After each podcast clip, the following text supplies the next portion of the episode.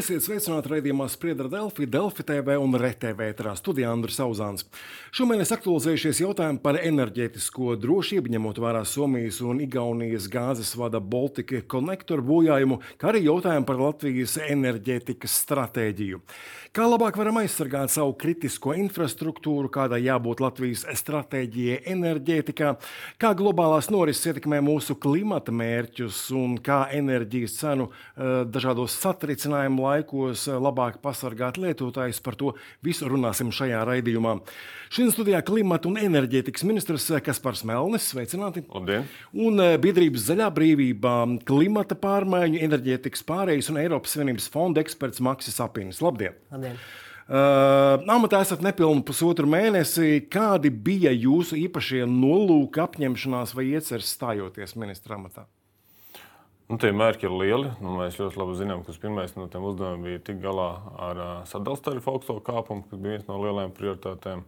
Nu, teiksim, tā īstermiņa risinājumu mēs izstrādājām. Jāsaka, paldies ministrijas ātrai darbībai tiešām ieguldītiem laikam mēs to spējām, bet tas ir īstermiņa risinājums. Uh, pašreiz jau iet uh, saimā uz otro lasījumu tāds vidējā termiņa, ilgtermiņa risinājums, nu, kas ir tāds prioritāte, bija pirmais jautājums, kas bija jāsakārto mums. Protams, tad ir lielie jautājumi, kā ir uh, valsts drošība un atslēgšanās no Brela 25. gadā, kas ir uh, fundamentāli svarīgi. Tur iet pēc plāna, bet nu, tomēr, zinot, ka mums gadās visādi nu, jāsako lietu pa etapiem, mēs nekavējam. Jo tas ir ļoti labi, ka visi saprot, ka tas iet 25. gada ir un jāatslēdzas. Un trešais, protams, tas tāds izaicinājums ir uh, nu, vidas jomas un vidas bloka integrēšana klimata un enerģētikas ministrijā. Uh, kas ir mums ļoti svarīgs, lai mēs varam kopīgi risināt uh, tos izaicinājumus, kas ir mums uz doto brīdi, teiksim, tā, Nē, lai mēs varētu sasniegt tos zaļos mērķus, ko mēs esam nosprauduši. Jā, par visiem šiem tematiem mēs arī plašāk parunāsim šajā raidījumā, bet uh, atcerēsimies un arī paskatīsimies uz ekrāna uh, pirms jūsu stāšanās amatā vidas organizācijas. Tātad uh, pret jūsu kandidatūru skaļi iebilda, par ko bija iebildumi? Iebildumi bija par to, ka Meļņa kungs ir personīgi bijis saistīts ar, ar meža saimniecības nozari, tieši biznesu, ar, ar lauksaimniecības. Mums liekas, tas, ka, ka klimata ministriju vadīt vajadzētu kādam, kur nav šī pretruna, tāpēc ka tā pretruna visu laiku ir. Jo, jo, jo tieši no šīm nozarēm nāk vislielākā pretestība mainīties un, un uh, dot savu ārtavu emisiju samazināšanā. Tāpēc mums šķita, ka uh, tur ir liels risks, ka tomēr šīs te, uh, nozaru intereses uh, var kaut kādā brīdī pārmākt sabiedrības intereses. Un, un tāpēc mēs iebildām, neredzējām to, ka mēs gribējām redzēt kādu, kas tiešām būtu skaidri teicis, jā, mums ir jārīkojas klimata krīzes uh, novēršanai. Un, un Meņģa kandidatūra tāda nebija, bet nu redzēsim. Eh, vai uh, tomēr pamazām maināt savu viedokli? Vai pie šī viedokļa sākotnējā? Uh, vai uzskatāt, ka spēsiet sadarboties? Es teiktu, ka nu, mēs esam tikušies ar vidus konstitīvās organizācijām, kur mēs izrunājām, pārunājām. Es teiktu, ka mums nebija kaut kādas domstarpības kaut kādas lietas, kur mēs aizgājām katru savu ceļu. Nē, es domāju, mēs, man liekas, saprotam, ka ir kopīgie mērķi. Un tagad mums vajadzētu kopīgi strādāt pie plāniem, kā mēs viņus īstenojam. Jo, nu, tas ir tas fundamentāli svarīgākais. Un tā ir arī, gribētu teikt, man liekas, ka tas ir plus, ka es nāku no, teiksim, no citām organizācijām, jo kas ir svarīgi, jo tie mērķi jau jāsasniedz mums visiem kopīgi.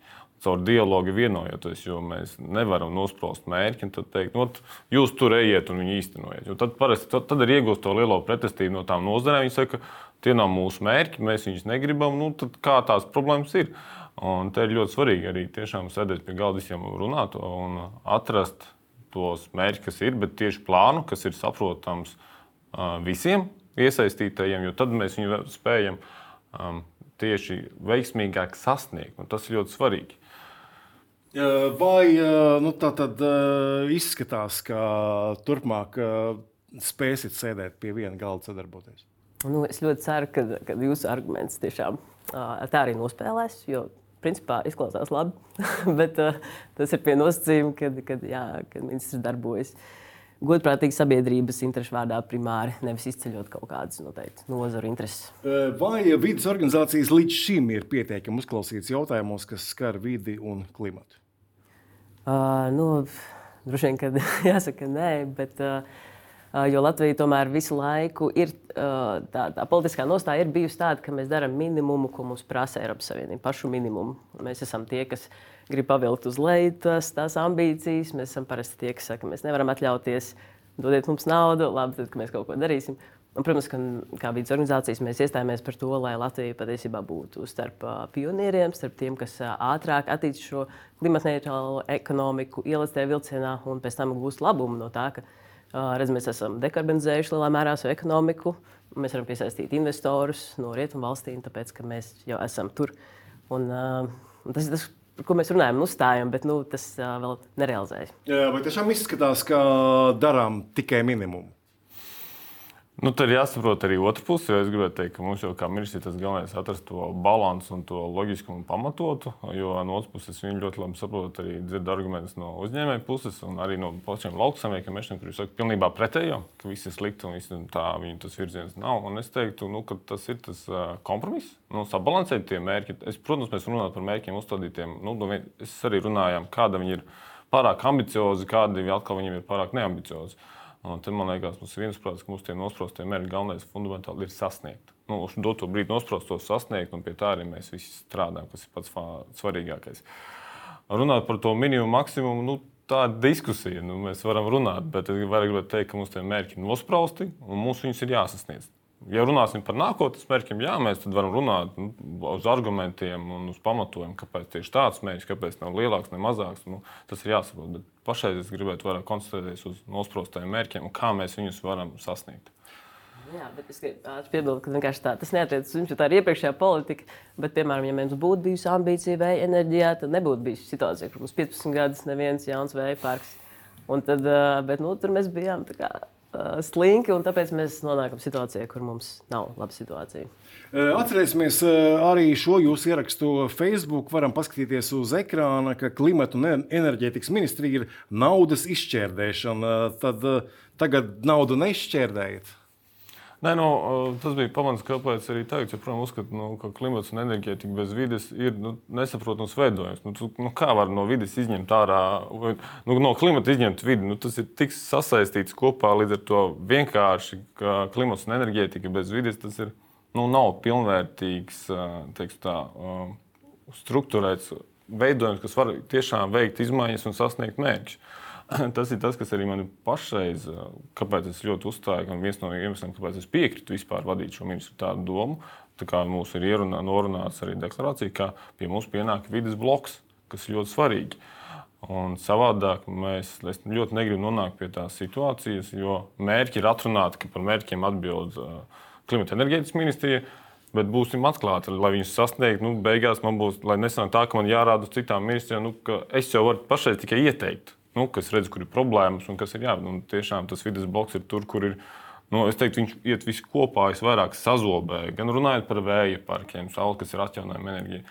Pat eh, tāds liekas, varbūt sveša lieta kā atkritumi, kas sākumā liekas, nu, tas ir tīri vidas jautājums. Nu, nē, nu, jo tos atkritumus ir jāpārveido enerģētika, un tad, parādās jau enerģētika.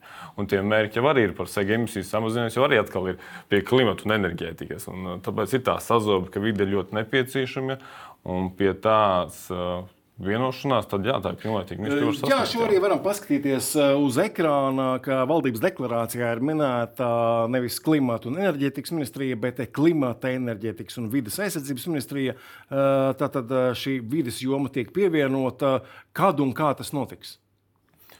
No savas puses mēs esam izstrādājuši jau detalizētu ceļkarti, kā mēs varam integrēt vidi tieši klimata enerģijas ministrijā. Mums pašreiz notiek ar sadarbības partneriem diskusija tīri, nu, par tādām detaļām, detaļām, kad un kā labāk. Nu, es neslēpšu, mums varbūt ir domstarpības par termiņiem. Nu, es no savas puses to gribu izdarīt maksimāli ātri, lai mēs varam maksimāli ātri iet uz priekšu un, un sākt pildīt tās lietas, kur mēs esam redzējuši, kā par tiem vēja parkiem, kur mēs esam, nu, esam kur esam un lēni ir attīstījies. Uh, Nu, ar, varam teikt, tā pie pamata tādas beigu vienošanās mēs vēl neesam nonākuši. Bet mums ir diskusijas, un es ļoti ceru, tuvākajā laikā nonākt, jo mums ir jāsaprot arī, kā tos darbus tālāk strukturēt. Uh, bet termiņi? Nu, par termiņiem mēs pašreiz runājam. Nu, tur arī lielākā aizķeršanās ir tieši termiņi pašreiz. Kāpēc tad ir šī aizķeršanās?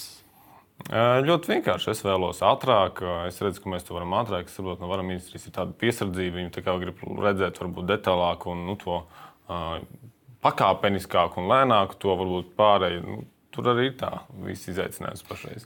Vai jūs prāt, ir loģiski, ka viena un tā pati ministrija atbild gan par klimatu, kuru zināmā mērā sabojā arī enerģētika, gan par enerģētiku, kas to klimatu bojā? Jā, jā. Mums, mums arī tieši tāpat tajā brīdī, kad radīja klimata un enerģētikas ministrija, vidas organizācijām šķita, ka uh, tas nav loģiski nodalīt klimatu un vidi, jo gal galā lielākoties uh, klimata pārmaiņas. Bet uh, klimats kopā problēma. ar enerģētiku. Jā. Tur nav pretrunu? Nē, tāpēc, kad uh, enerģētika ir milzīga nozara, kas. Uh, kas tieši ietekmē mūsu klimata mērķus. Un, un, uh, tas būtu problemātiski, ja tas ir divās dažādās uh, ministrijās un būtu tikai klimata, kas tad centīsies eh, citas ministrijas kaut kā ietekmēt. Eh, es, piemēram, uzskatu arī, ka, eh, ēku renovācija, ēku nosiltināšana arī būtu jābūt klimata ministrijā, nevis pie ekonomikas ministrijas. Jo šobrīd liekas, ka šis milzīgā problēma, kur īstenībā ir tikpat daudz jārisina kā ražošanas, atjaunīgās enerģijas ražošanas puse, vienkārši tiek aizmirsta.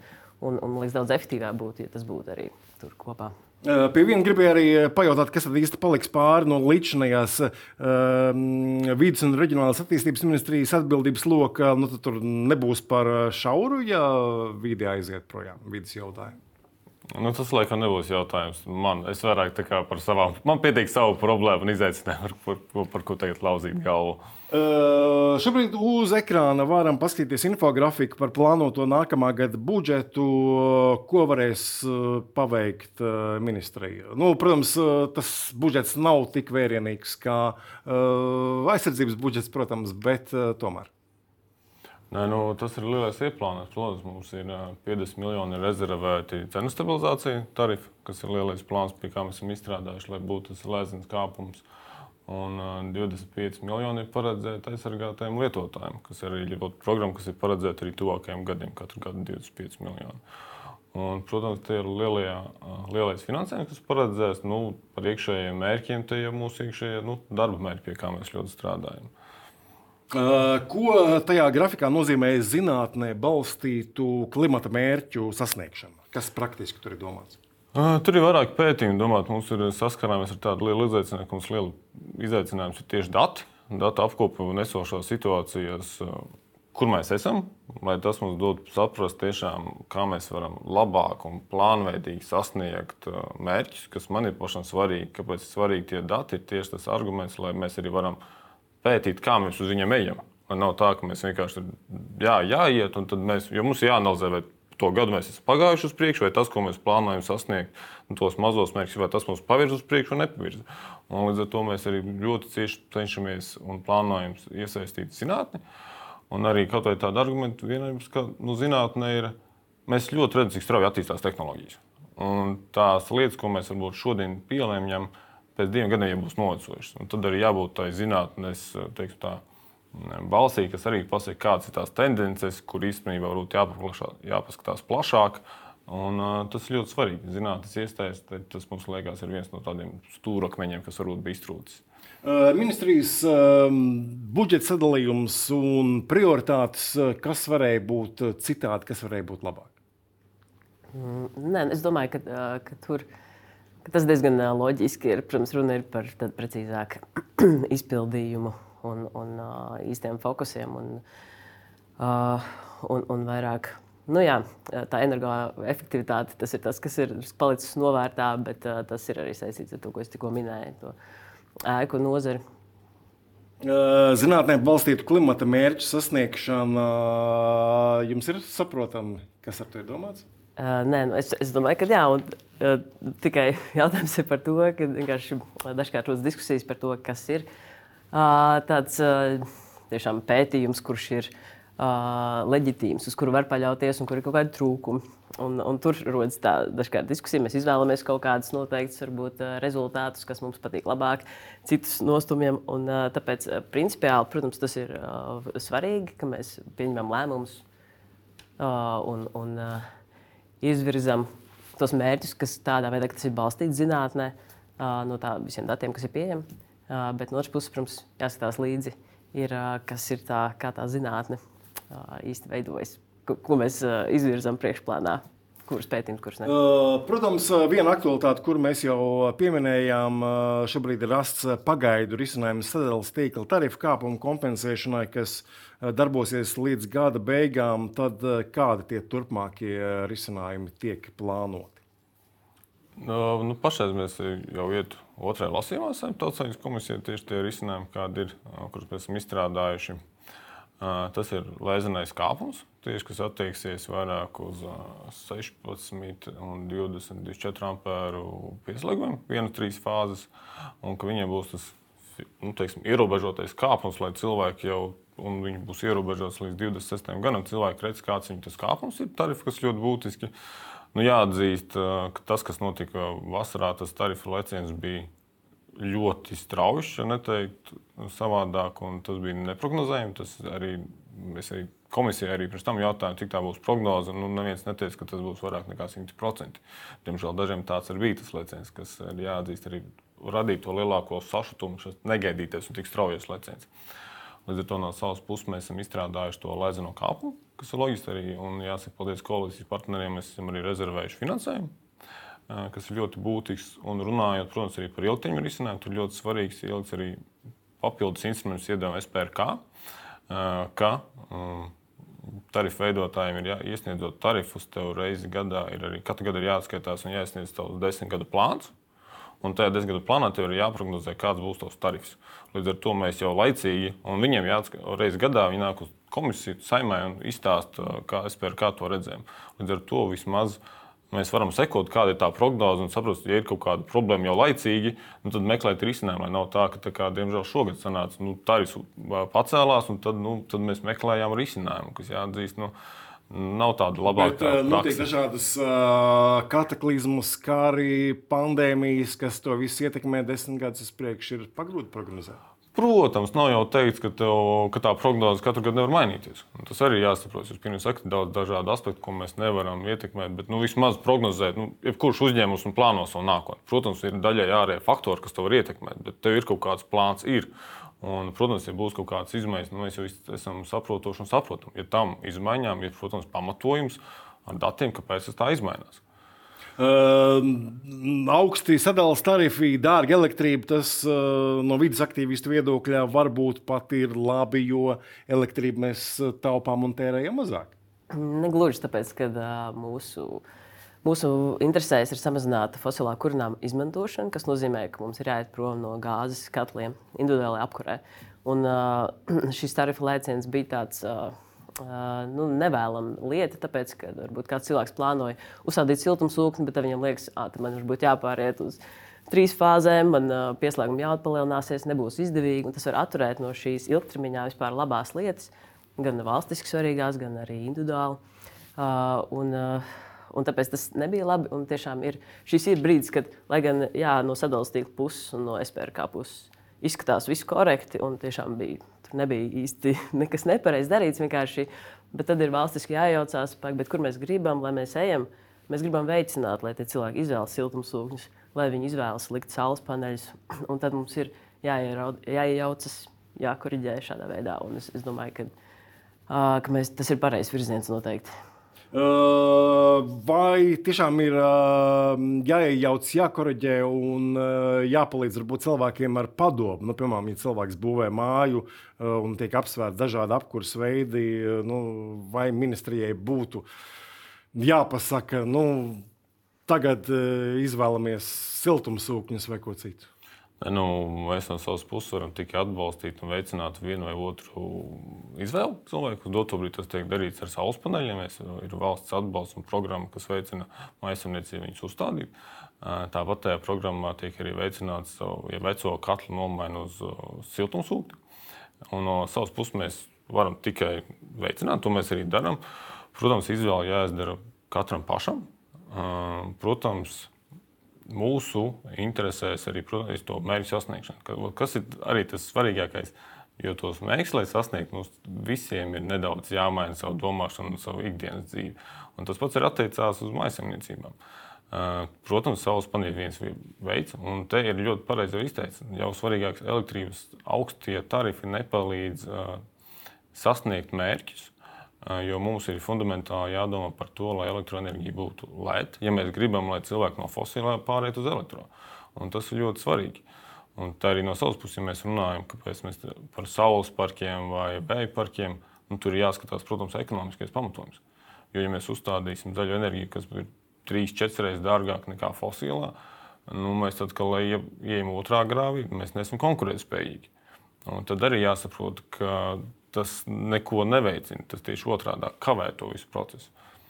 Runājot par saules paneļiem, tad kāda būs turpmākā politika saules paneļu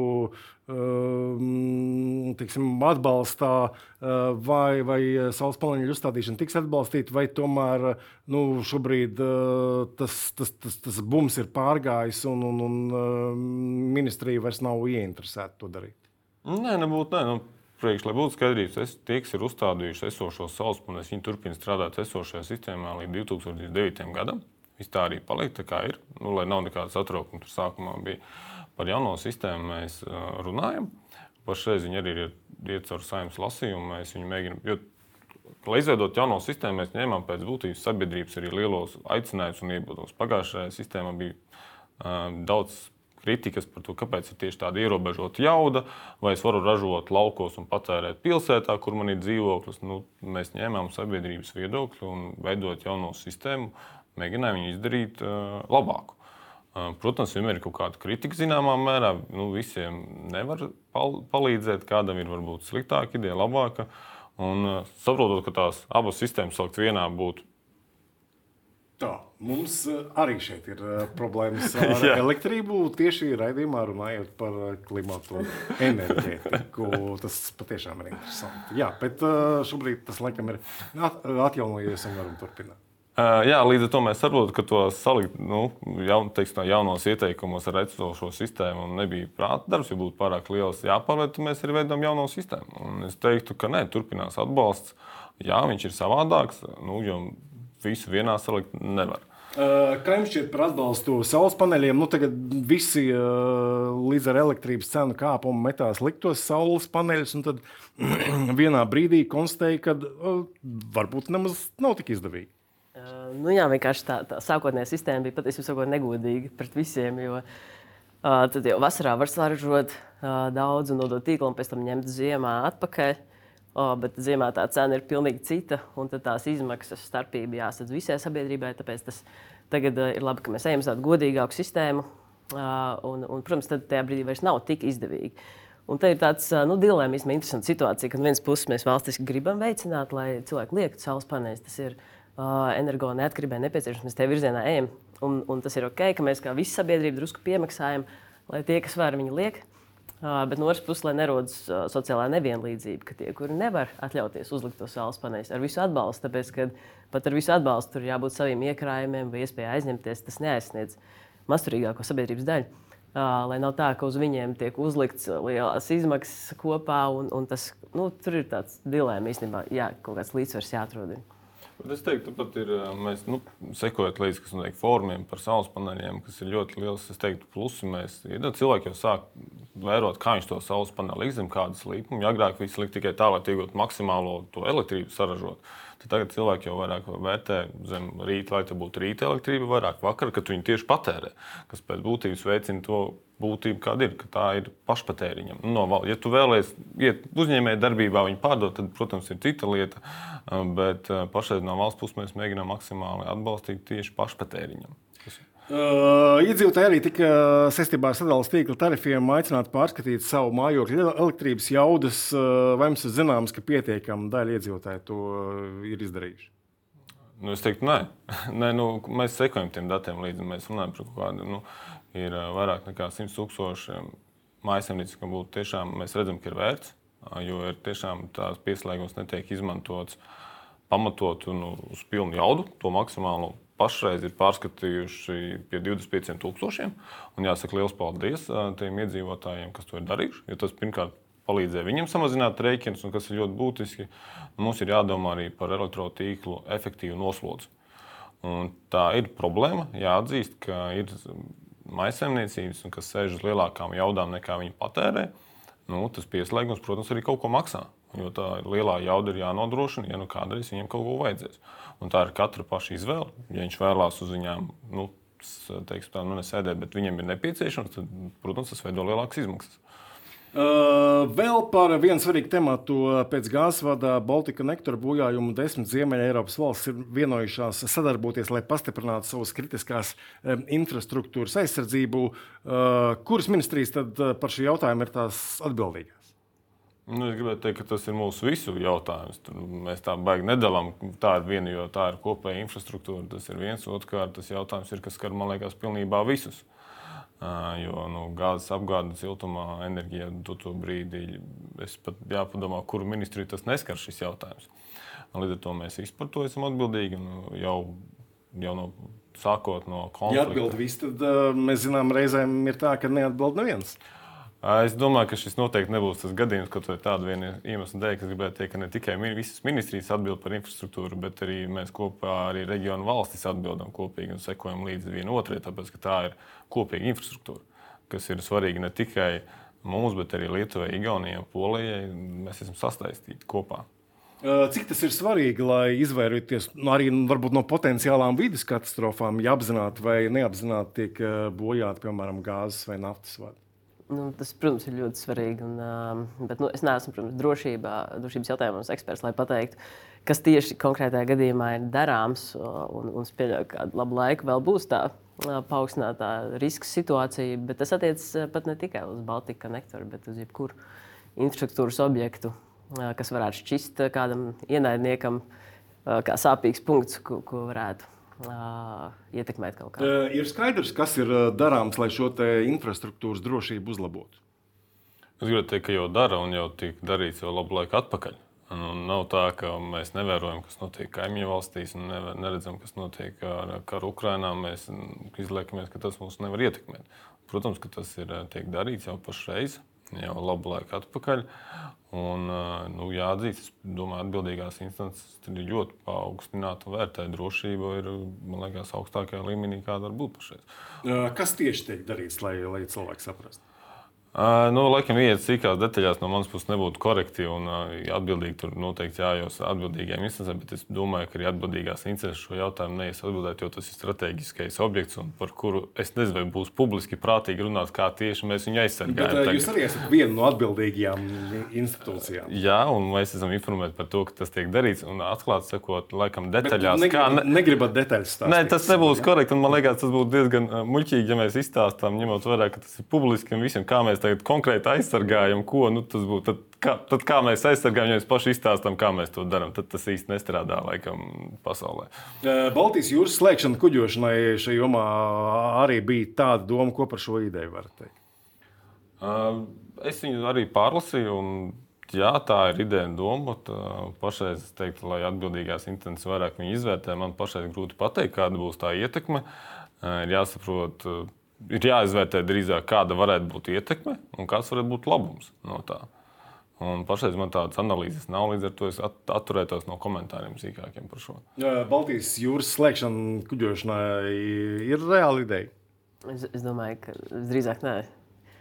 Es pieņemu, ka tur kāds pareiķinās, cik tas izmaksās, un sapratīs, ka ne, tad mēs labāk uh, Uh, tur karakuģis turam rindiņā, un, un tas būs lētāk nekā viss laiks. Uh, Skultas sašķidrinātās gāzes termināļa jautājums. Ņemot vērā šādus gāzes vadu bojājumus, vai šāds termināls tomēr nebūtu bijis noderīgs papildu drošībai? Nu, Skultas termināls bija nepieciešams divus, trīs gadus atpakaļ.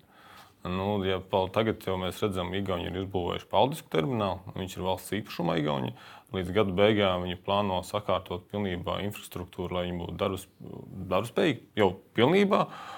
Un pat ja mēs tagad izvēlētos būvēt savu, tad jautājums, nu, skulti ir turpat blakus. Mēs ieguldīsim vēl miljonus izveidēji, un ko mēs no tā iegūsim, man ir grūti pateikt. Papildus drošība, jā, noteikti. Bet nu, mēs zinām, ka budžets ir budžets ir tāds, kāds viņš ir. Mums ir prioritātes valsts aizsardzība, veselība un izglītība. Ja mēs esam gatavi kopā kā sabiedrība kādu no tām pateikt, nē, nē, mums ir svarīgāka kulta. Labi, bet pašreiz es tam neredzu ne ekonomisko pamatojumu. Ja nāk kāds privātais ar, ar savām investīcijām, viņš to vēlās attīstīt, jā, protams, labprāt, mēs palīdzam, kas ir mūsu, no mūsu puses, mūsu iespējās. Protams, bet uh, valsts investēt uh, finansējumu pašreiz, zinot, ka uh, Igauni attīsta savu, jau viņš tur, kas ir valsts īpašumā, kas ir svarīgi. Es laikam teiktu, nē. Skultas terminālis vai tomēr kaut kā labāk varam naudu ieguldīt? Pilnīgi noteikti mēs ieguldītu naudu ēku renovācijā tajā pašā. Tad mēs izvilktu daļu cilvēku no enerģētiskās nabadzības, plus ietaupītu siltumenerģiju un, un daļai jau tā problēma atrisinātos. Bet man liekas, ka Latvijai ir paveicies, ka mums nebija tā ilgtermiņa enerģētikas stratēģija, un mēs neuzbūvējām skuldas termināli.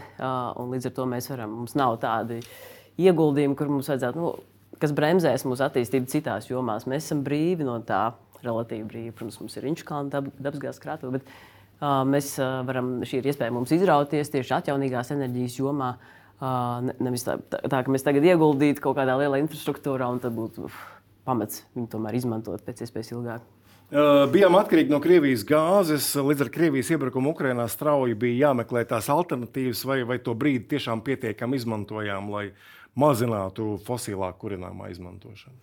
Nu, jā, sanāca tā, ka mēs tik daudz miljonus iztērējām pabalstiem. Un, un uh, vienkārši sektu uh, enerģijas izmaksas, kas, protams, aizgāja enerģijas ražotājiem. Un, uh, uh, tā vietā mēs varējām ieguldīt, lai, lai tiešām mazinātu to, to atkarību no fosiliem, no, lai nosiltinātu. Uh, bet nu, tajā brīdī neko nevarēja izdarīt. Protams, uh, vajadzēja palīdzēt uh, iedzīvotājiem nenonākt tādā enerģētiskās nabadzības krīzē. Uh, protams, ka mēs tajā brīdī, es domāju, ka uh, kopumā tās izvēles bija saprotamas un labas. Tā kā valdība tajā brīdī rīkojās. Vienkārši problēma ir tā, ka iepriekšējā desmitgadē ir tik maz darīts. Uh, tāpēc tagad mums ir milzīga ātrumā jāskrien uz priekšu un, un jāķer līdzi laiks. Kā šobrīd attīstās jautājums par um, atomenergostacijas iespējamu būvniecību, vai Igauni šajā jomā ir pārņēmuši iniciatīvu? Nu, mēs strādājam kopā ar Igauniem. Līdz gada beigām mums jāiet uz saimu ar ziņojumu par atomelektrostacijas perspektīvām, ko mēs arī tad, no savas puses izstrādāsim un iesim un prezentēsim. Tad vairāk būs teiksim, nu, saimas izšķiršanās, vai mēs ejam vai nē tajā virzienā.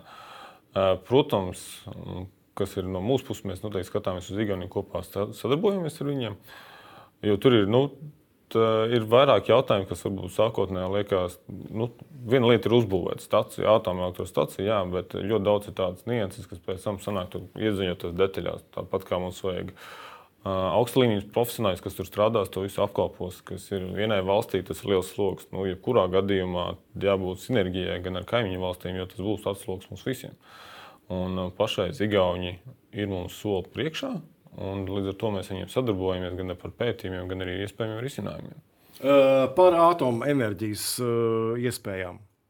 Darām visu iespējamo, vai ne? Nē, pilnīgi noteikti nē. Tāpēc, kad uh, tas ir. Uh, Ir daudz pētījumu, kas tagad uh, saka, ka tas nerisinās klimata krīzi, tāpēc, ka viens projekts attīstība var aizņemt pat 15 gadus. No sākuma, protams, termiņš ir pozitīvāks, optimistiskāks, bet tad kaut kas vienmēr notiek, kā zinām, Latvijā tā vienmēr notiek. Pagarinās, un tad uh, pēc 15 gadiem mums jau sen visi mērķi ir jau uh, nokavēti. Un turklāt tās izmaksas ir tik lielas, ka, atomenerģija vairs nav konkurētspējīga, ja salīdzinām ar atjaunīgo enerģiju. Un, un, protams, nerunājot par visu par radioaktīviem atkritumiem, kur daudzus gadu tūkstoši kaut kur būs jāglabā. Manuprāt, tas ir amorāli. Nākamajām paudzēm kaut ko tādu atstāt, tas ir viens. Otrs, mēs būsim atkarīgi no urāna rūdas. Tā nav pilnīga energo neatkarība. Un tās valstis, kur iegūst urāna rūdu, ir arī nedemokrātiskas. Un, un, protams, tieši tā kā Mēnesis minēja, mums pietrūkst tās speciālistu un, un, un to vietēju zināšanu. Un tas ir drusku biedējoši, jo galu galā šī tehnoloģija ir ar potenciāli ļoti graujošām sekām. Un cevišķi arī tas nav energodrošībai vēlams, tāpēc tas ir viens objekts, viens mērķis kas ir nu, pārāk tā, rada tādu ievainojamību. Tieši tāpat, kā mēs skatāmies uz Zaporīžas staciju, tā ir milzīga ievainojamība. Tāpēc labāk ir tas virziens, ka mēs ejam dažādot savu enerģētikas sektoru. Mums ir tas, ir tur parks, tur, tur. Un, un tad mēs esam daudz izturīgāki. Latvijas enerģētikas stratēģija, kas tajā, kam tajā būtu jābūt?